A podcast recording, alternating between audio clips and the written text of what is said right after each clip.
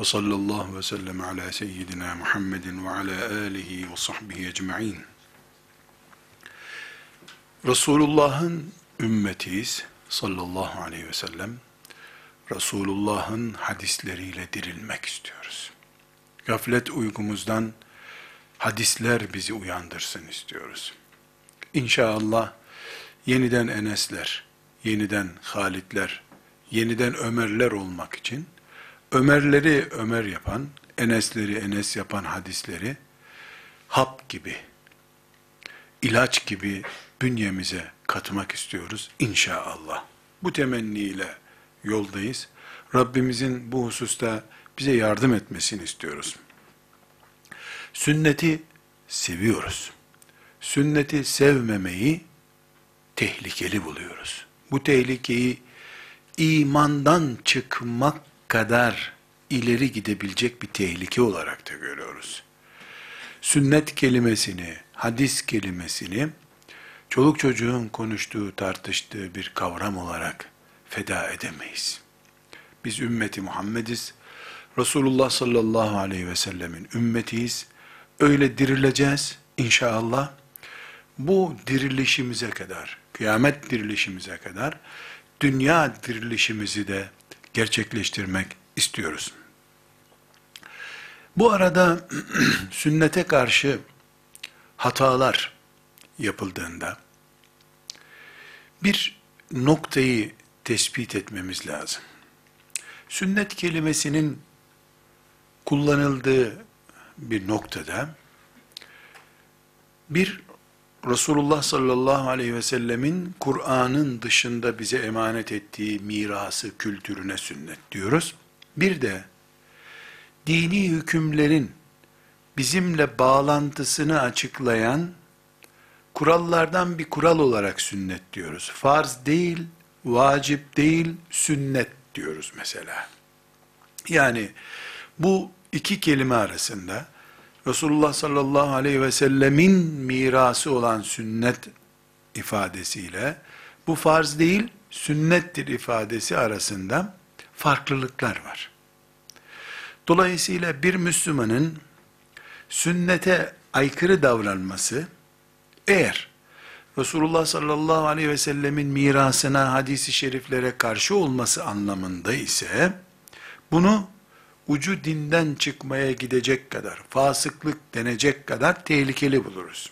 Ama farz olmayan bir iş anlamında sünnettir bu deyip de sünneti de ihmal ettiyse, yapamadıysa bunu böyle görmüyoruz. Mesela namaz kılmak farzdır. Namazda e, ayakta iken kıraat yani Kur'an okumak farzdır. Özellikle Fatiha suresini okumak vaciptir. Namaza başlarken elleri kaldırıp kulaklara kadar, kulak yumuşağına kadar getirmek sünnettir. Bir Müslüman namaz inkar etse dinden çıkar. Namaz kılmasa en büyük kebairden birini işlemiş olur. Fatiha'yı okumasa, namazda kıraat yapmasa, namazı olmamış olur. Ellerini kaldırmasa, namazına zarar gelmez. Farz ve vacip olmayan bir şeyi terk ettiği için, sevabı eksik olur. Ama namazına zarar gelmez. Bu açıdan bu sünnettir deniyor kültür olarak, bir bütün olarak sünneti karşıya almak, hadisleri karşıya almak başka şey, o sünnet kültürünün içerisinden bir maddeyi o gün becerip yapamamak başka şey. Bir Müslüman sünnetlerden birisini bir nedenle yapamadığı zaman dinden çıkmaz. Ama sünneti blok olarak karşısına aldığı zaman her şeyden çıkar maazallah. Çünkü Kur'an'da, imanda, akidede her şey o sünnetten geliyor zaten. Burada biz bir zemin üzerine sünneti oturtalım. hadisi şerifleri oturtalım. Resulullah sallallahu aleyhi ve selleme bağımızı oturtalım. Sonra da bir başlık açmak istiyorum. O başlığımız şu. Sünnete karşı hatalar nelerdir ve nereden ortaya çıkıyor? Yani neden insanlar hem kıyamet günü ben Muhammed'in ümmetinden olarak dirileceğim diyorlar, böyle istiyorlar ve bunda samimidirler şüphesiz. Kimse kimse imana zorlamıyor çünkü. Hem de nasıl Resulullah sallallahu aleyhi ve sellemin en azından nostaljik bir hatıra olarak sünnetine saygı gösterme ihtiyacı hissetmiyorlar. Hadi diyelim ibaret olarak yapamıyorsun, yapmıyorsun. En azından çok değerlidir filan gibi bir nezaket yani protokol uygula en azından. En azından. Bunu niye yapamıyorlar insanlar? Bu nedenlere giriyor. Yani neden sünneti karşısına alıyorlar? Neden hadisler basit görülüyor sorusuna cevap bulacağız. Bir kere bir Müslüman olarak hepimiz sünneti, hadisleri sevgide samimi miyiz diye test konusu yapmak zorundayız. Gerçekten Resulullah'ı seviyor muyuz? Sallallahu aleyhi ve sellem. Elbette bir Müslümana Resulullah'ı seviyor musun diye bir soru sorulmaz. Abes bir sorudur bu. Böyle bir soru bir Müslümana sorulamaz. Ama sünneti sorulabilir. Çünkü sünnetin ayrıntılara kaçan bölümlerinde tıkanmış olabilir o Müslüman. Benim peygamber sevgim, Resulullah seviyorum sallallahu aleyhi ve sellem, sünneti üzerinden test edilebilir. Bu testi kendim de yapabilirim. Bir Müslüman olarak peygamberimi ne kadar seviyorum sorusuna herhalde yüzde üç, yüzde on, yüzde yirmi diyecek bir halim yok. Bir insan ne kadar severse o kadar. Sünneti ne kadar seviyorum da ikiye ayırıyoruz. Sünnet neyse peygamber o demek zaten. Sünneti de şu kadar seviyorum, hadisleri bu kadar seviyorum diyemeyiz. Yani bir insanın adını sevip kendini sevmemek gibi olur bu. Bu olmaz. Ama bir Müslümanın imanını, burası çok önemli bir nokta. Bir Müslümanın imanını, Peygamber aleyhisselam sevgisini, sünnet pratiği üzerinden test edemeyiz. Ebu Bekir'den başkası kolay kolay o imtihanı kazanamaz zaten. İbni Ömer filan, üç kişi, beş kişi anca kazanır. Yani Resulullah sallallahu aleyhi ve sellemin bin tane sünneti var diyelim. Bu bin sünneti de haydi göster üstünde. İşte namazda elleri kaldırmak kulaklara dedik. Mesela yani işte misvak kullanmak, işte sağ elle yemek yemek vesaire. İşte bin tane diyelim. Sabit bir rakam kullanmıyorum ama test için söyleyelim. Ee, Müslümanlığımız bu bin sünnet üzerinden ölçülecek. Deyip bir e, anket çalışması yapsak, peygamberi ümmetsiz bırakarız. Ebu Bekir zaten o listenin başında sonunda bitti. İbni Ömer, 5-10 sahabi de işte Selman, Ebu Zer filan böyle kalır yani. Ashab-ı kiramı bile toptan o listeye sokmakta zorlanabiliriz. Böyle bir test yok. Bunun içinde farz, vacip, sünnet diye bir ayrım var zaten. Allah böyle bir ayrım yapmasaydı şeriatında, ne getirdiyse peygamber hepsi farz işte ya. Ne, ne sünneti denseydi bize, Ebu Bekir'le İbn Ömer'i cennete gönderir, biz de dışarıda beklerdik o zaman. Ashab-ı kiramın tamamı bile cennete giremezdi bir daha.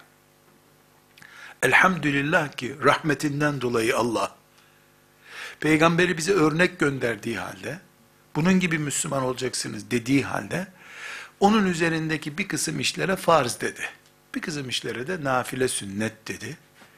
Farzlardan e, ölümcül test yapacağım haberiniz olsun dedi. Mesela namaz yok, oruç yok. Ya kanda çok önemli bir hücre kayıp. O ayrı.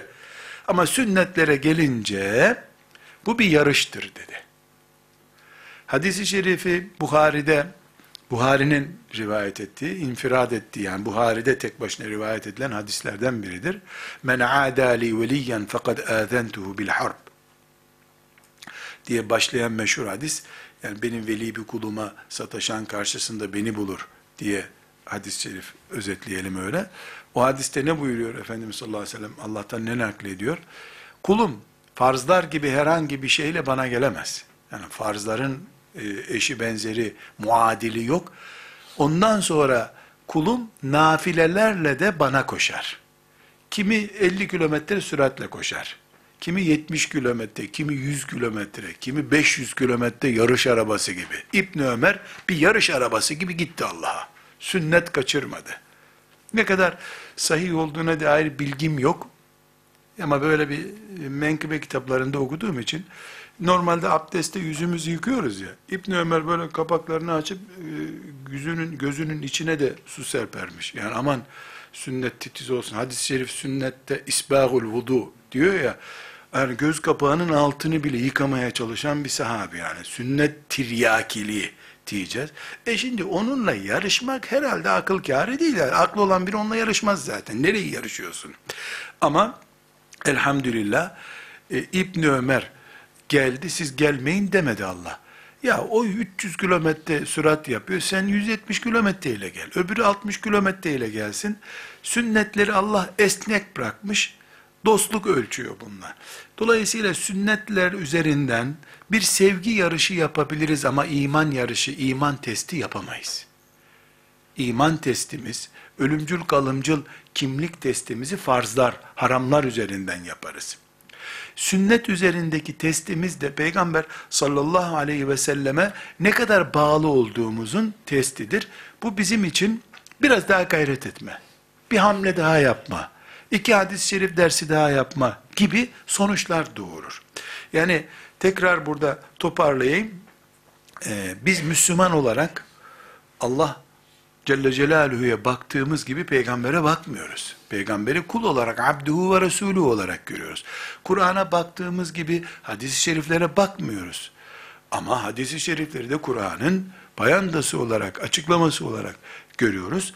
Aynı şekilde imanımızı, müminlikteki samimiyetimizi farzlar, haramlar üzerinden ölçtüğümüz gibi sünnetler üzerinden ölçmüyoruz. Blok olarak sünneti Resulullah sallallahu aleyhi ve selleme bağımız görüyoruz. Ama ayrıntıya girdiğimizde olsa daha iyi olur, çok güzel olur, en iyisi böyle olur dediğimiz bir yarış zemini olarak görüyoruz. Yani mesela bin sünnet var dedik örnek olarak. Bin sünnet var. Ee, Ebu Bekir radıyallahu anh 980 tanesinde muvaffak olmuştur. O da belki bininde değildir yani. Bizle ölçülünce tabi zirve şahsiyet. İbn Ömer 970'inde belki muvaffak olmuştur. Biz de 45'inde muvaffak olduk. İşte babamız küçükken sünnet ettirdi. Bir. Oradan başladık hani diyelim. Garanti bir işte. Bir puan oradan yakaladık. İhtiyarlayınca da hacca gidip gelince de bir de sakal bıraktı. İyi ki oradan. E geriye kaldı e, yani onlar 980'i başarmışlardı. Bizde de 980 eksik kaldı. Elhamdülillah. İki tanesini yakaladık. Hiçten iyidir gene deriz. Ama içimizde bir heyecan, üç beş daha katalım buna olur. Misvak ilave ederim. Yemekte Peygamber sallallahu aleyhi ve sellem şöyle elhamdülillah demişti, onu derim. İki rekat fazla namaz kılarım. Cuma günü hiçbir şey yapamazsam gül yağı alır parmağımdan sürerim. Resulullah böyle yapardı cuma günü derim. Yani üç puan da oradan kazanırım. Bu bir yarıştır açık seçik Buhari'deki hadisi şerif çok net bir şekilde e, bu e, emri veriyor. Yarışın diyor. Elbette İbn Ömer'i geçecek kadar e, aptalca bir iddiam olmaz benim. Ama geçmeyi arzu ederim. En azından yakalayalım şunu, aynı kulvarda koşalım diye düşünürüm. Sünnet ve sünnete bağlılığımızı bu şekilde görüyoruz. İkinci olarak e, yapabileceğimiz bir test, bu çok önemli.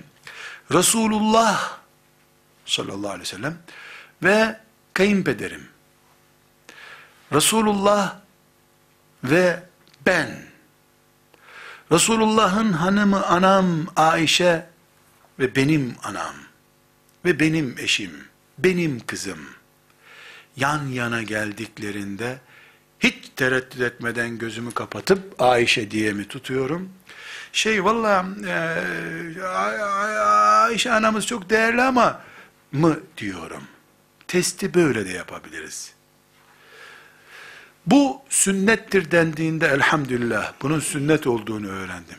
Şükürler olsun mu diyoruz? Bu sünnet ama mı diyorum? Yani bir birinci testi nasıl yaptık? Ne kadar sünnet uyguluyoruz diye yaptık. İkinci testi de e, riskli bir tercih söz konusu olduğunda kalbim cız ediyor mu? Yine bu noktada şöyle bir ayrıntıya gidelim. Yani hala ben eşimi Ebu Bekir'in Resulullah sallallahu aleyhi ve sellemi sevdiğiyle yarıştıracak kadar bir yarışa girecek şekilde ikinci plana atamıyorum bir türlü. Tamam Resulullah canım kurban feda olsun mevlütler okuyalım filan ama eşim bir başka canım benimki çok başka hayatım benim diyebiliyorum. Tabi bu fedakarlıklar gerektiği zaman şiir yazarken çok kolay anam babam kurban sana filan bunlar çok kolay laflar. Fedakarlık söz konusu olduğu zaman mesela en basit misal iki tane daire şansımız var. Bir, birinci daire 100 bin lira ve camiye 20 metre mesafede. Ezan duyuluyor, farza yetişiyorsun ezan okununca. İkinci daire 80 bin lira, daha da lüks ama camiye 300 metre mesafede. Cemaat sünnetinden dolayı fark verip, eski bina olduğu halde oradan daire alıyorum.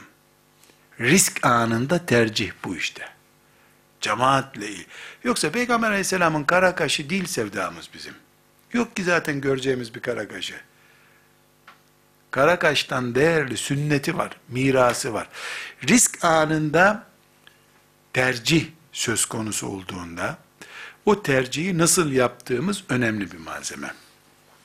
Bir başka testimiz sallallahu aleyhi ve sellemin sünneti hadis-i şerifleriyle ilgili seviyoruz, ediyoruz. Bu ümmet hadis dersleri diye bir kültür başlatmış ümmettir. Ebu Hureyre'nin etrafında binlerce insan peygambere bakar gibi baktılar. Meşhur e, bir hatıra, yeri geldiğinde ders olarak onu okuyacağız inşallah. E, Ebu Hureyre bir gün çarşıya geçiyor. İnsanlara diyor ki, hey millet ne yapıyorsunuz diyor. Hani Efendimiz sallallahu aleyhi ve sellem vefat ettiği gün dikkat ediyorlar, hayrola diyorlar. Ya Resulullah'ın mirası dağıtılıyor mescitte diyor. İşini bırakan koşuyor. İşte bir hatıra kalem, bir hatıra ayakkabı, işte bir şey çıkar bize ondan diyor. Koşuyorlar. Gelen bakıyor ki mescitte 3-4 kişi hadis okuyorlar, bir şey yok. Bunlar Ebu Hureyre bizi kandırdı diyorlar. Geri geliyorlar Ebu Hureyre hala çarşıda. Öyle bir şey yok Ebu Hureyre diyorlar. Ne vardı orada diyor. İnsanlar hadis okuyorlardı diyor. Birisi Resulullah'ın hadisten başka mirası yok ki diyor. Niye almadınız oradan bir hatıra? Bu ümmet böyle başlamış. Yani hadis dersine katılmak, çok yorgunum, uyukluyorum, git orada uyu, zararı yok. Hadis dersinde uyu. Arkalara otur, kimsenin uyumasına sebep olma. Peygamber sevgimizi, peygamberin kültürünü, ilmini öğrenirken ne kadar öne çıkarıyoruz. Burada da bir test yapabiliriz, test yapabiliriz. Bir başka testimiz, e, bir Müslüman olarak kaç kişiye Resulullah hadisi kazandırdım diye bir soru sorabilirim sık sık. Kaç kişiye bu sevgiyi kazandırdım? Diyormuş ki Resulullah sallallahu aleyhi ve sellem diye başlayan kaç cümle naklettim? Çünkü veda hutbesinde Efendimiz sallallahu aleyhi ve sellem benden duyan başkasına duysun, duyursun. Bir söz de olsa benden taşıyın diye talimat verdi gitti.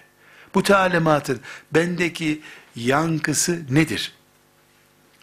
Ve bir başka testimiz, bu testlerin hepsini neden yapıyoruz? İddiamız ne kadar doğru bunu test etmek istiyoruz. Ha peygamber sevgisinde rakibimiz yok. Sultan Fatih'in çocuklarıyız. İstanbul'u fethetmek için gelen ordu bizim ordularda. Peygamber de övdü o orduyu. Altı asır sonra da olsa biz de onların amca çocuklarıyız filan diye avunup duruyoruz. Ben tabi çift avunuyorum. Çünkü Trabzonlu olarak Sultan Fatih bizim orayı da fethettiğine göre bir İstanbul övüncüm var, bir de Trabzon övüncüm var. Ee, bunlar kıyamet günü hiçbir değeri olan laflar değil. O zaman Ebu Cehil kıyamet günü meleklerin omuzunda cennete gelecek herhalde. Peygamberle akrabaydı üstelik.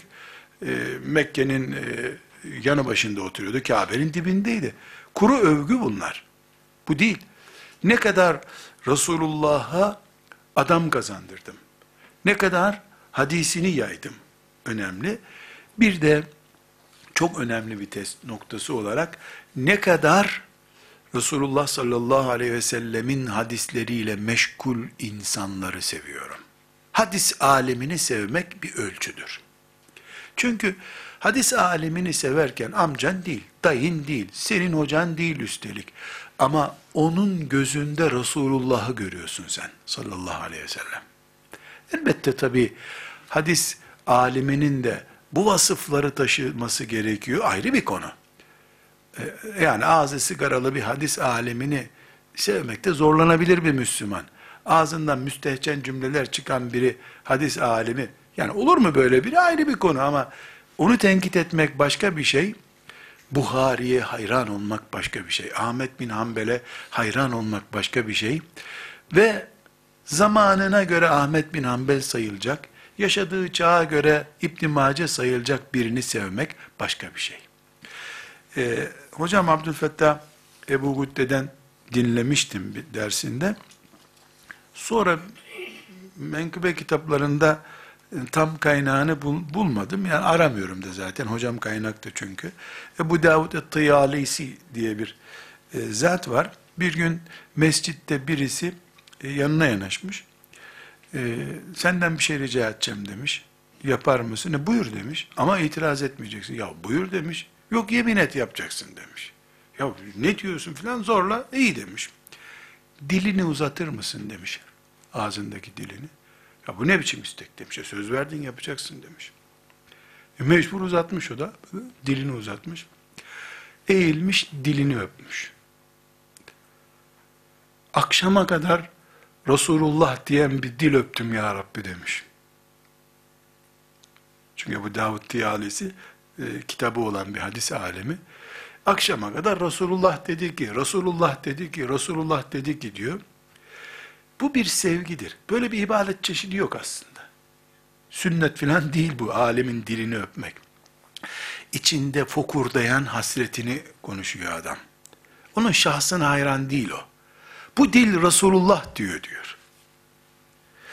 Biz kendimizi e, hadis alimlerinin, hadise hizmet eden alimlerin e, kalbimizdeki yeri üzerinden de test edebiliriz.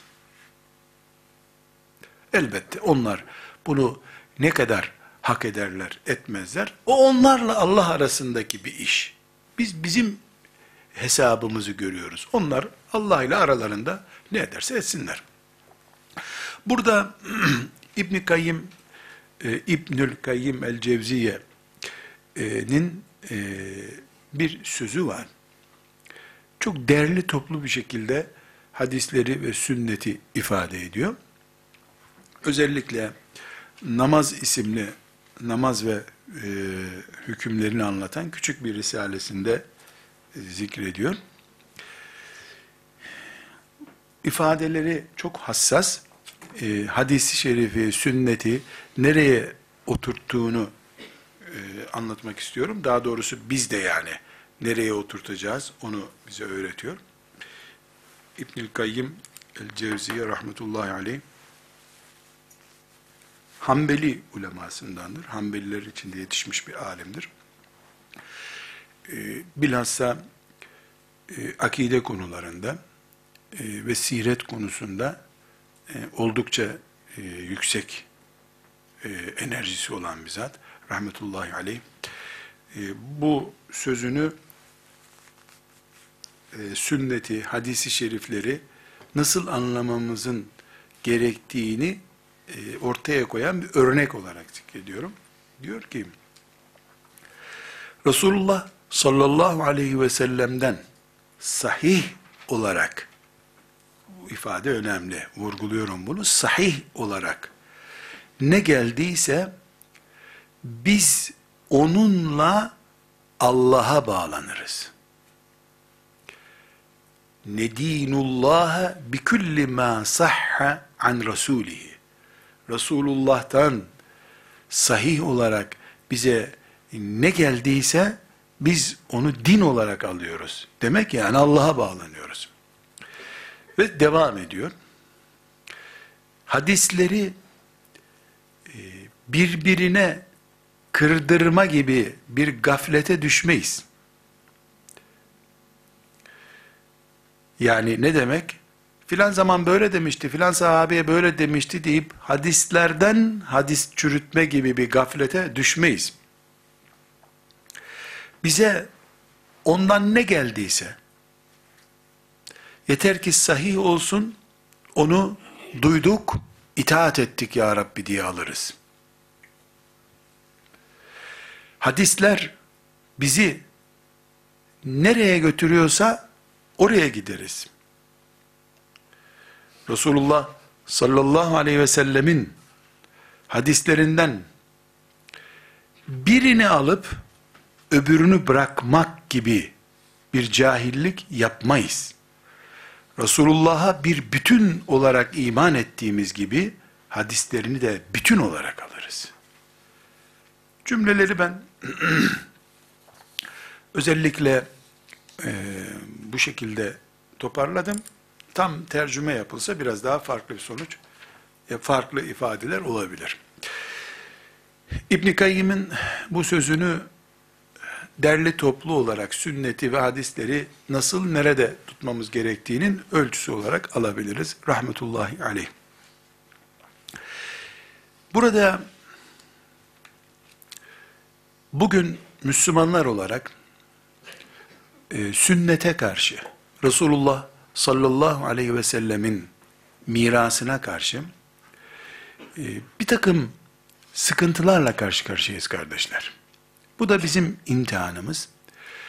Daha önceki derslerde e, tekit etmiştim. Aynı şekilde tekrar vurguluyorum. Bütün bu sözlerimizi A, B, C şahısları için söylemiyorum. Biz peygamberimizi sallallahu aleyhi ve sellem onun sünnetini sahipleniyoruz. Kim karşı cepheye geçmek istiyorsa istediği yere geçebilir. Biz iman ettiğimiz şeyi konuşuyoruz. Birisi ben müminlerden değilim diyorsa zaten sen bizim muhatabımız değilsin diyoruz. Birisi evirip çevirip tevil edip bir şekile sokmak istiyorsa onun şahsı hakkında hüsnü niyet besleriz. Yanlış anlıyor deriz. Casus demeyiz. Yanlış anlıyor deriz. Ama şahsını hiçbir zaman muhatap almayız. Ben Resulullah sallallahu aleyhi ve sellemin sünneti üzerinden kendimi test ediyorum, sen de et diyorum burada. Bu teste göre filanca ölüdür, kafirdir, zındıktır, fasıktır demiyorum. Herkes kendini test etsin diyorum. Çünkü biz La ilahe illallah Muhammedur Resulullah çatısı altında bulunuyoruz. İçimizden bir kısmı bu çatının kenarında durduğu için yukarıdan yağmur damlıyor olabilir omuzlarında. Yani bir şemsiyeyi iki kişi kullanıyor. Birisi şemsiyenin kenarında durunca yağmurun hep onun omuzuna damlar ya. Kafirlerin, şeytanın tuzakları onun e, omuzuna damlıyor, damlayan yağmur gibi görüntü veriyor olabilir.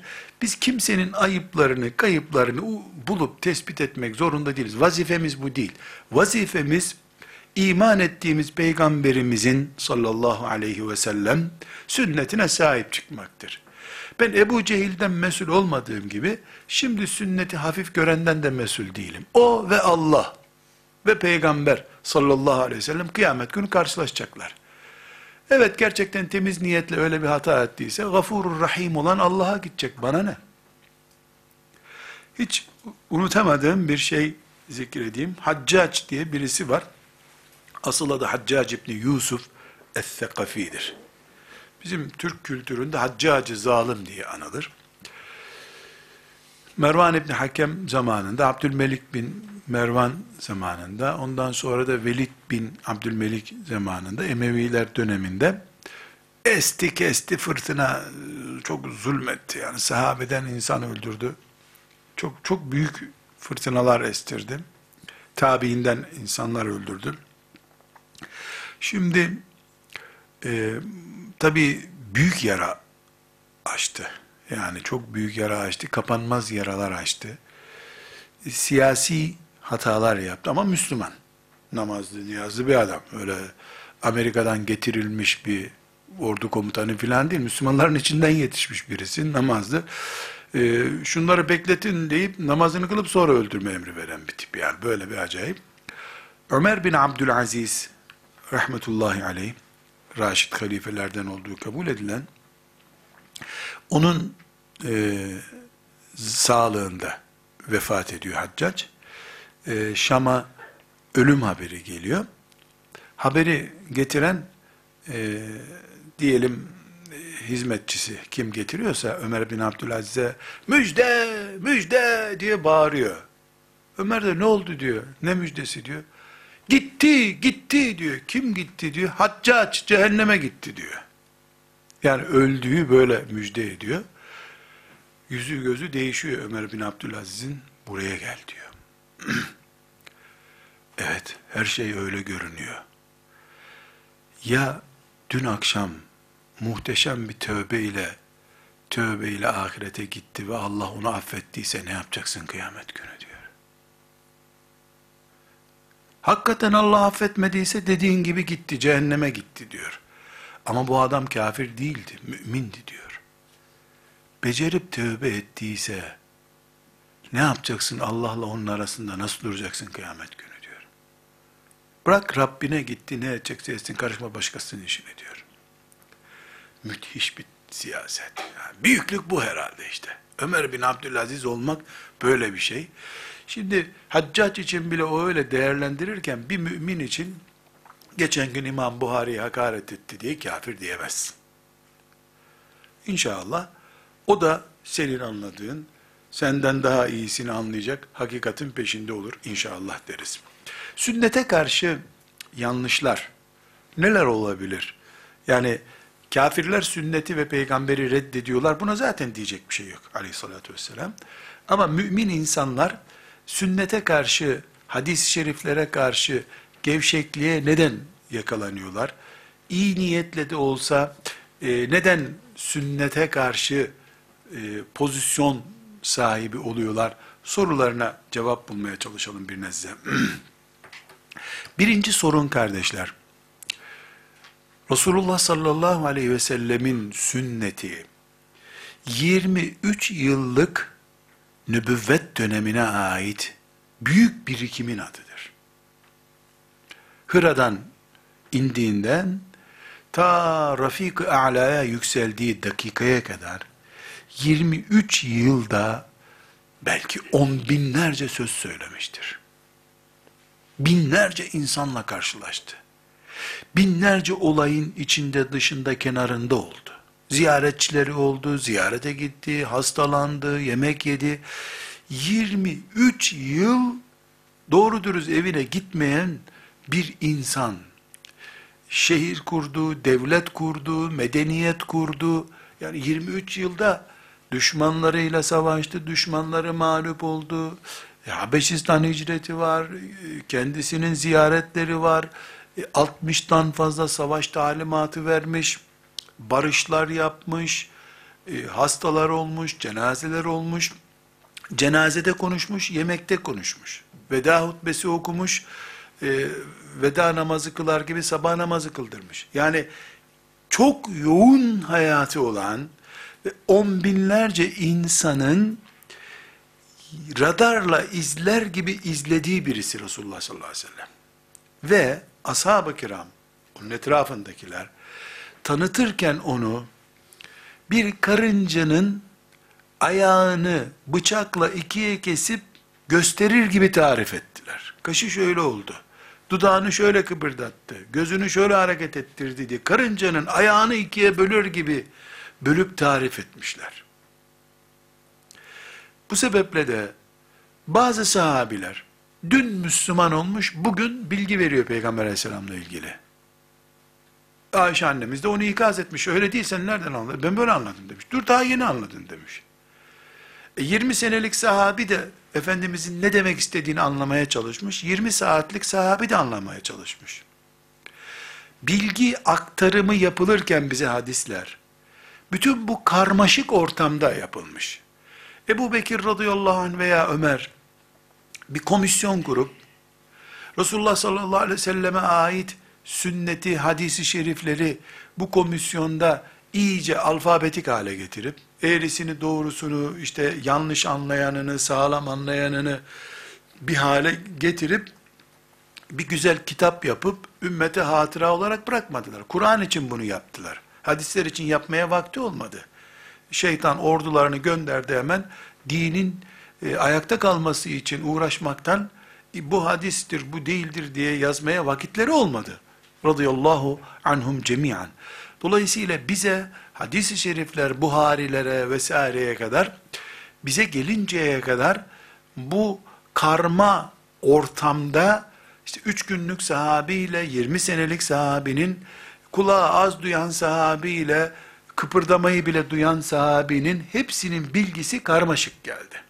Dolayısıyla e, İbni Hacer gibi bir muhaddis alim oturup bunun yeri budur, bunun yeri budur, bu şu anlama geliyor, bu bu anlama geliyor diye tasnif yapıncaya kadar bu bilgilerde e, herkesin tutup e, paketten alabileceği bir alfabetik sıralama, sağlamını, çürüğünü, e, Peygamber sallallahu aleyhi ve sellemin önceki sözlerini sonra nesheden yani onu değiştirdim, böyle yaptım diyen uygulamalarını kuş bakışı görecek İbni Hacerler, Suyutiler, Nevevilere gelinceye kadar düşmanın ya da cahilin yanlış anlayacağı şeyler var hadis-i şerifte. Kuş bakışı görmüyor. Bir olayı Resulullah sallallahu aleyhi ve sellem yola çıkarken başlatıyor. Orada 10 kişiye bir şeyler söylüyor. Devamını mesela 20 kilometre ilerideki konaklamada konuşuyor. Biraz daha uzantısını e, akşamki geceleyecekleri yerde söylüyor. En baştaki duran sahabi ileride yolculukta yok. Giderken bizim evinden şöyle, bizim evin önünden böyle dedi gitti diyor. O bilgiyi sadece aldığın zaman adeta namazın birinci rekatını tarif ediyor. Öğlenin üç rekatı yok ortada. Onu aldığı zaman bir Müslüman öğle namazı bir rekattır diyor. Bak sahabi böyle dedi diyor. Sahabi böyle dedi diyor. Bunun en basit örneği nedir biliyor musunuz? Hadis-i şeriflerden karşınıza çıkar. Bu kadınların erkeklerle bir arada durma meselesi nereden çıktı ya? Uydurmayın kardeşim diyor. Buhari'de hadis var. E ne var? Resulullah sallallahu aleyhi ve sellem filanca kadının evine gitti. Kadın yatak odasına girdi. Yatağının kenarına oturdu diyor. Hani erkek kadın mahremiyet vardı diyor. Filanca sahabeye bak diyor. Buhari'de Müslim'de hadis diyor. Ebu Davud'da hadis. E, e getirdi onlara yemek verdi diyor erkeklere diyor. Hiçbirinin akrabası değil bir şeysi değil. Mahremiyet yok aralarında diyor. Doğru. E bunlar işte 20. kilometredeki açıklamalardan haberi yok. Bizim eve geldi böyle yaptı diyor. E, İslamiyet 23 senede indi. Kadınların mahremiyet ölçüleri, ortada oturmama ölçüleri 20. yılda indi. O 20. yıla kadar 20 bin olay oldu kadın erkekli. E, onları alıp da e, tek başına uyguladığın zaman Aa, ıhlamur çiçeğinden yapılmış bu ilaç. Bak üstünde yazıyor diye gidip ıhlamurun kabuklarını toplayıp kaynatıp yiyen adama benziyorsun sen. Ihlamur çiçeğinden yapılıyor ama çiçek alıp kutuya konup verilmiyor sana ilaç olarak. Bir sürü işlemden geçiyor. İşte bu sebeple İbn Hacerler, Neveviler, Suyutiler, e, yani hadisi şerifleri, Efendimiz sallallahu aleyhi ve sellem'in 23 yıllık hayatını kuş bakışı izleyebilen alimler bu ümmet için büyük nimettir. Onların yani nevevi sahabi değil ebediyen. Kıyamete kadar da olamayacak ama nevevisiz İslam çok zor. Bu sebeple diyoruz ki Nevevi ile, İmam Şafii ile e, ve işte Ebu Hanife ile uğraşan sıraya ashabı koyacaktır. Geçti mi o barajı, barikatı ashabı kiram olacak. Enes İbni Malik görecek, onu dağıtacak. Karşısına Resulullah çıkacak, oturup beraber çay içecekler aklınca. Bu nedenle sünneti seniyenin, yani hadisi şeriflerin şu anda e, bu şekilde çoluk çocuğun e, kurcalayabileceği bir nesne olarak görülmesinin özünde bu e, tasvir etmek için örneklendiriyorum tabi böyle yüzde yüz e, kaynak göstererek yaptığım bir olay değil. Yani İslam'ın Medine'ye hicretin birinci senesindeki bir olayı alıyor. Onun üzerinden 9 sene geçmiş, 9 defa Efendimiz sallallahu aleyhi ve sellem başka örneğini vermiş. E ashab bütün bu bilgileri niye bize anlattılar o zaman? Aa, ashab-ı kiram gördüğü her şeyin sadık bir şekilde tebliğcisi oldu. Biz böyleydik, böyle oldu. Allah sana İslam'ı başından sonuna kadar tanıtmak istiyor. Bu sebeple çok da anlamlı değil. Ben Buhari'yi alıp evde bir okuyayım diyen birisi şu verdiğim örnekle karşılaşacağı için 50-60 yerde en azından Allah Allah biz İslam'ı yanlış biliyoruz. Ömer Nasuhi bilmenin ilmi halinde böyle değil bu mesele diyecek. Ömer Nasuhi bilmem pişmiş paketlenmiş şeklidir bunun. Sen ise paketlenmeden önce, daha konserve kutusuna konmadan önceki sistemine bakıyorsun, zehirleneceksin. Yanlış yiyorsun gibi bir uygulama var. Birinci sorun bu. Bu noktada e, şeytanın ağlarına düşmemek lazım. İkinci olarak da kardeşler, cümlelerimi lütfen istirham ediyorum. Dikkatli anlayınız. Sünnette aşırı gitmekte sünnet düşmanlığıdır. Nedir aşırı gitmek? Sünnete Allah bir yer biçmiş. Kur'an'ı izah etmek. Kur'anlaştırdığın sünnet baş belasıdır. İmanın da tehlikeye girer maazallah.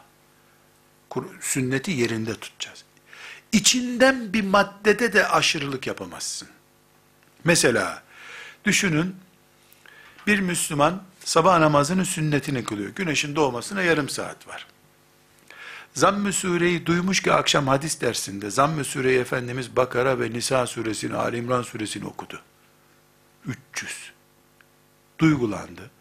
Sabah namazının sünnetine durdu. Allahu Ekber. Başladı Bakara suresinden okuyor. Hem ağlıyor hem okuyor. Hem ağlıyor hem okuyor. Ah Resulullah'ım sabahlar kadar ayağı şişti üstelik diyor. O arada güneş doğdu, sabahın farzı gitti.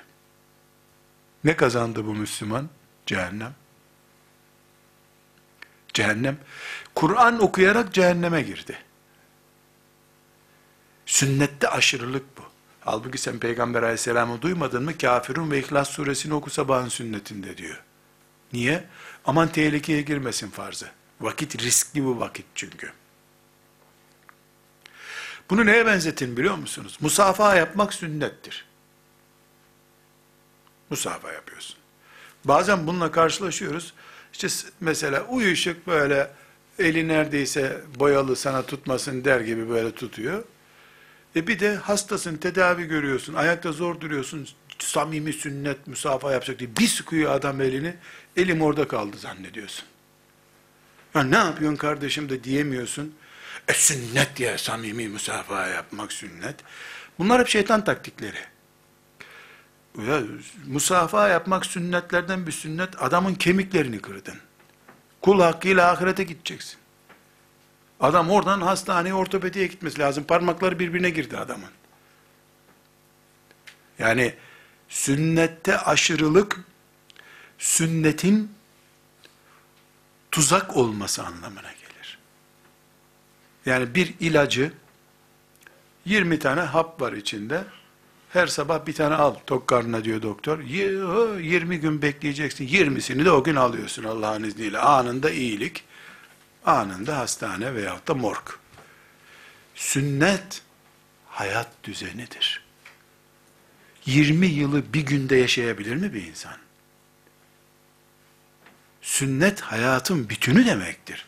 Geceyi, gündüzü, evliliği, cenazeyi, yemeği, ağlamayı, gülmeyi, her şeyi tanzim ediyor sünnet. Hadisler, her şey. Sahih Buhari'nin adı nedir zaten? Resulullah'ın günlüğü demek. Öyle bir isim vermiş. Buhari, rahmetullahi aleyh. Biz onu Sahih Buhari diye özetliyoruz. Yani hayat, hayattır sünnet. Bunu abartarak şeytana yem oluruz. Basit görerek zaten şeytanın avucunda tutarız. Kendisi 23 yıla yaymış, sen niye 23 dakikaya yayıyorsun ki? Sen de 23 yıla yay. Adım adım, adım adım. İşte bu adım adımlık için bize Nevevi lazım, Suyuti lazım, İbni Hacer lazım, Sübki lazım. Yani biz e, hırsla girdiğimiz zaman e, yani e, süratlenme mesafesini erken kullanınca her şeyi dağıttığımız bir sistem oluşturmuş olabiliriz. Sünnete davette de aynı sıkıntı var. Yani e, biz sünnet-i seniyeye hizmet edeceğiz. Böyle arzu ediyoruz. İnşallah Allah muvaffak eder. Adam alkol kullanıyor, sakal bırakmayı teşvik ediyorsun. Sünneti ihmal etme kardeşim. Herkes kaçtı bu. Ya adam alkol kullanıyor. Meyhanede adam. Bunun sakalını kesmesi lazım üstelik. Sünnete zarar bu. İman olmayan sünneti olsa ne olacak? Vacip olsa ne olacak? Önce iman gerekiyor. Haramlardan kaçınmak gerekiyor. Farzlardan e, kusur yapmamak gerekiyor. Sıra sünnete geldi. Yani düşünebiliyor musunuz? Ee, bir çocuk maazallah bir apartmandan düştü. Dördüncü kattan düştü çocuk. Ağlamasın diye oyuncakçıya götürüyorsun çocuğu. E çocuğa oyuncak almak sevap değil mi? Bu çocuk apartmanın üst katından düştü. Bunun hatta sen tutmaman lazım buna. Acil getirip ehil birisi. Yani acil ambulans gelip bunu tutması lazım. Tuttuğun yerini daha fazla kırarsın sen.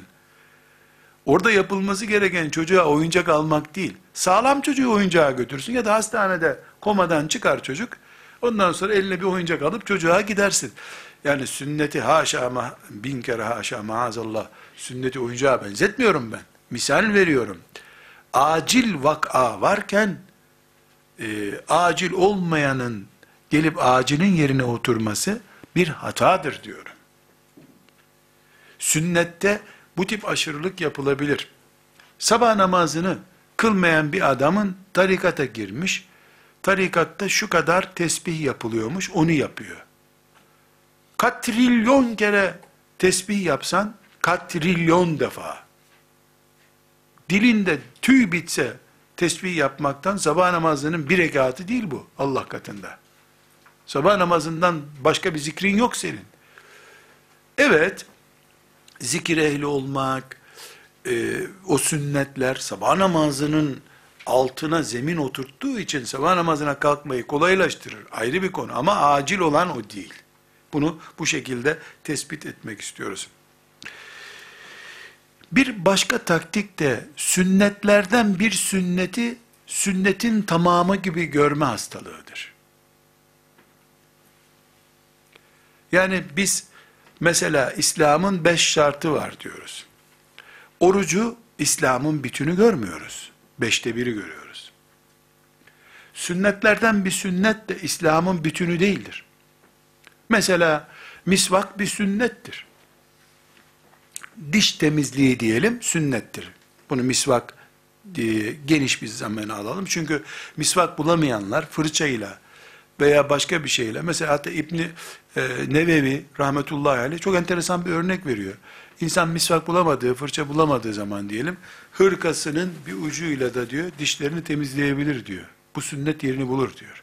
Çünkü or, oradaki orijinal emir, misvağın kendisi kadar aynı zamanda diş temizliğidir. Şimdi diş temizliği bin sünnetten bir tanedir. Bir insan dişleri çok temiz diye elhamdülillah bu zamanın İbni Ömer'i ya. Adam görmüyor mu ya sünnet düşkünü adam dişleri. Halbuki onun dişlerinde hobisi var. Yani zevk alıyor dişini temizlemekten. Tamam bir sünnet uyguluyor. Ama e, diğer sünnetleri kökten bir kenara koymuş. Sadece dişleri temiz görünsün diye bir sünnete uyuyor. Bu ehli sünnet değil. Lafla olmuyor bu işler. Sünnet bir hayatın bütününü Resulullah'ın şekline göre yaşamaktır. Becerebildiğin kadar, yapabildiğin kadar. Burada tek bir sünneti bütün sünnetler gibi görmek e, yanlış. Aynı şekilde tabi sünnetleri farzların yerine koyma hastalığı da bir hastalıktır. Yani e, mesela bir Müslümanın çok basit bir örnek, e, çocuklarıyla ilgilenmesi. Bu fesat zamanında çocuklarını fesat ortamlarından kurtarması farz mıdır? Sünnet midir? Herhalde sünnet değildir, farzdır. Çocukları ihmal edip uzak bir camide namaz kılmaya gidiyor. Neden? Cami uzadıkça mesafe yol fazla yürüdüğün için sevap kazandığından e, Efendimiz sallallahu aleyhi ve sellem'in sünneti var uzak camilere gidin diyor. Ama sen burnunun dibindeki camiye değil de e, daha uzak camiye gittiğini görünce çocukların Allah babamın camilerini uzak etsin amin diye dua ediyorlar. Neden? Eve 20 dakika geç geleceksin. O 20 dakikayı da internette istediği gibi boş geçirecek o. Sen bir sünnete uydun ama farz olan çocuğunu haramdan kurtarmayı ihmal ettin. Taktik hatası bu. Bunu yapmamalıydın. Sünnet kılıfı örtmüyor bu hatayı. Burada şeytan ne yapıyor? Sen git bir de orada da bir ihtiyar bul. Onunla da güzel bir ilmihal dersi yapın camide. Çocuk da internetteki derslerini ihmal etmesin oluyor. Sen Rabbini kazanıyorsun derken şeytan onu kazanıyor. Çocuğunu senin şeytan kendine yem ettiği sürece sen Allah'a kazanamadın aslında.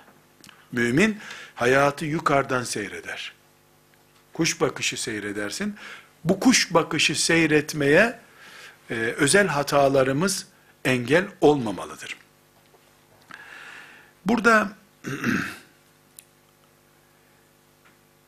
bir hata daha sünnet kelimesi konuşulduğunda karşımıza bid'at diye bir kelime çıkar. İnşallah onunla ilgili de bir ders yapacağız. Yani sünnet, hadisler peygamberce hayata şekil vermektir. Hayatı peygamberin anladığı gibi anlamaktır.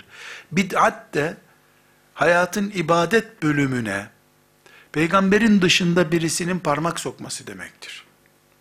Bu sebeple sünnet, hadis konuşulduğu her yerde bid'at diye bir kavram gündeme gelir. Onu da inşallah gündeme getireceğiz. Ee, bid'at sünnetle bir tür e, mücadeledir, ayrık otu savaşıdır. Ama Müslümanların bidat işleyenler ve işlemeyenler diye ikiye ayrılması da söz konusu değildir. Yani sünnet üzerinden bir bölücülük sakıncalıdır. Bunu vurgulamak istiyorum. Sünnet üzerinden bölücülük yapamayız.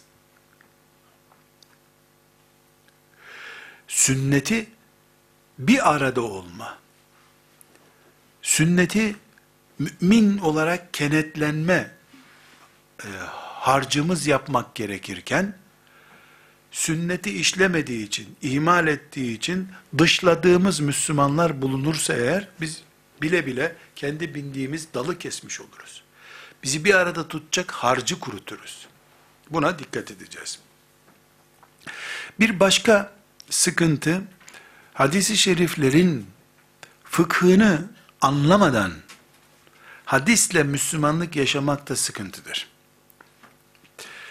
Ee, bunun Peygamber aleyhisselam efendimizden sonraki hemen sahabe neslinde de örneği var. Bir hadisi şerifi birisi bir yerde okuyor, bu böyledir diyor. Bakıyoruz ki Ebu Bekir müdahale ediyor, yanlış anladınız ama o öyle değil diyor. Biz de böyle anlamıştık, Resulullah bunu düzeltmişti diyor. Aslı böyledir bunun diyor. Yani bu hadisi şerifler, her kafaya uyacak kolaylıkta olmayabilir. Muhakkak ashab-ı kiramın bilgisine başvurmamız lazım. E biz direkt ashab-ı kirama başvuramayacağımıza göre ashab-ı kirama başvurmuş nesli ulemayı tanımamız lazım. Burada e, sünnetle ilgili inşallah ileride e, daha ayrıntılara girdiğimizde sünnetin müekket olanı, olmayanı, Resulullah sallallahu aleyhi ve sellemin doğal bir insan hayatı olarak yaşadığı hayata ait sünneti, Allah böyle istiyor, bunu daha size uygun görüyor diye tavsiye buyurduğu şeyler, bunların hepsini ayrıt edeceğiz. Mesela sallallahu aleyhi ve sellem Efendimiz oturarak yemek yedi. Biz masada yiyoruz. Oturarak yemek yemek Resulullah sallallahu aleyhi ve sellemin hayatında masa bulunmadığı için midir? Müslüman oturarak yemek yer diye midir? Bu bu da sünnetin ayrıntılarıdır hep. Burada e, biz Müslüman olarak e, bu bilgileri bizzat Peygamber aleyhisselamdan da öğreniriz. Ashab-ı kiramdan da öğreniriz. Alimlerin derli toplu bize yaptığı izahlardan da öğreniriz.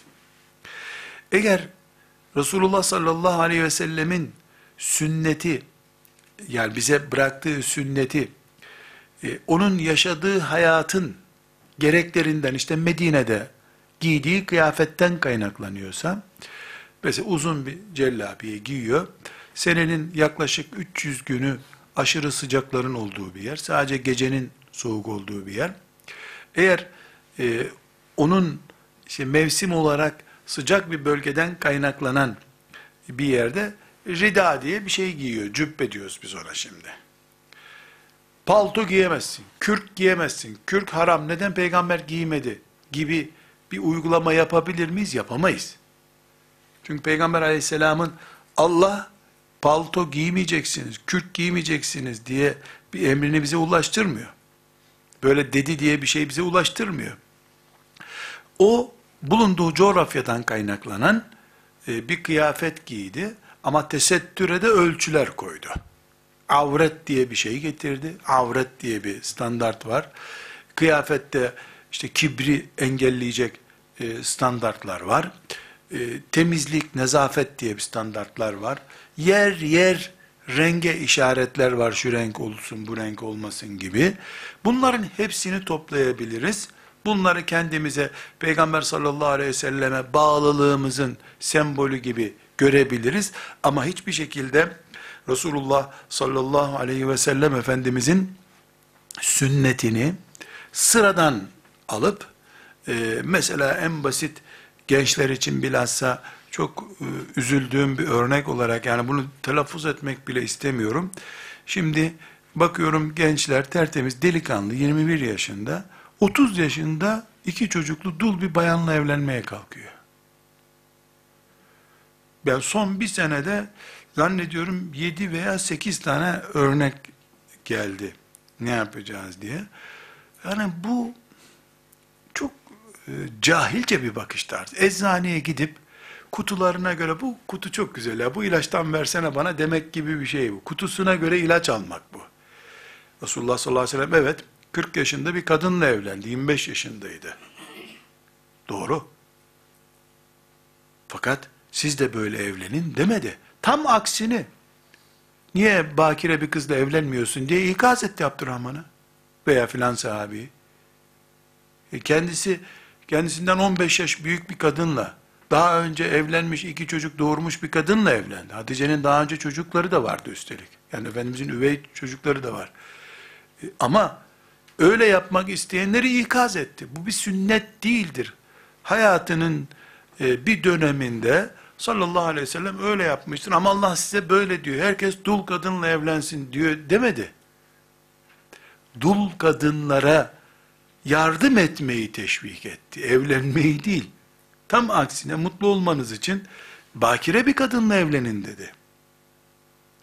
Yani ben Siret-i Nebi'de okudum diye e, böyle yapmak, işte Efendimizin yedi çocuğu oldu. Kim ehli sünnetse yedi çocuğu olur. Böyle denmez ki çocuğu Allah veriyor. Ne yedi yakalamak şart, ne geçmek şart, ne de az kalmak günah. Allah verdiği kadar veriyor. Yani sünnet demek, Efendimiz sallallahu aleyhi ve sellemin hayatını okuduğun her şeyi yapmak demek değildir. Bir kere daha ve çok e, ciddi bir şekilde karşımıza Nevevisiz, İbni Hacersiz, Suyutisiz yol almak zor. Yani bunların, bu bilgilerin hepsini toplayıp önümüze koyan, kuş bakışı bütün 23 yılı, Kur'an'ı, sünneti, bu mirası topluca görebilen biri lazım. Sen görebiliyorsan ne hala. Ama e, bir Nevevi'nin görüşü gibi o, o gözlükle bakabilecek bir insan e, ne yazık ki yetişmiyor. Çünkü insanlar sünneti, Resulullah sallallahu aleyhi ve sellemin mirasını ta ana rahmindeyken başlayacak şekilde ciddiye alıp öğrettikleri alim nesil yetiştirmiyorlar epey bir zamandan beri. Neveviler bu yüzden gelmiyor. Yoksa Nevevi İbn Hacer put değil. Rakipleri gelmez bir daha yetişmez diye bir şey yok. Her halükarda Resulullah sallallahu aleyhi ve sellemin sünnetine sahip çıkalım. Kendimizi e, bu konuda muhakkak test edelim. E, Çünkü kıyamet günü yüzleşeceğiz inşallah sevgili peygamberimizle diyoruz. Ama bu arada da bazı teknik hatalarda sünneti algılarken, yaşarken teknik hatalarda olabiliyor Olmaması için bu ikazları yapmış olduk. Ve sallallahu ve sellem ala seyyidina Muhammedin ve ala alihi ve sahbihi ecma'in velhamdülillahi rabbil alemin. قل إن كنتم تحبون الله فاتبعوني يحببكم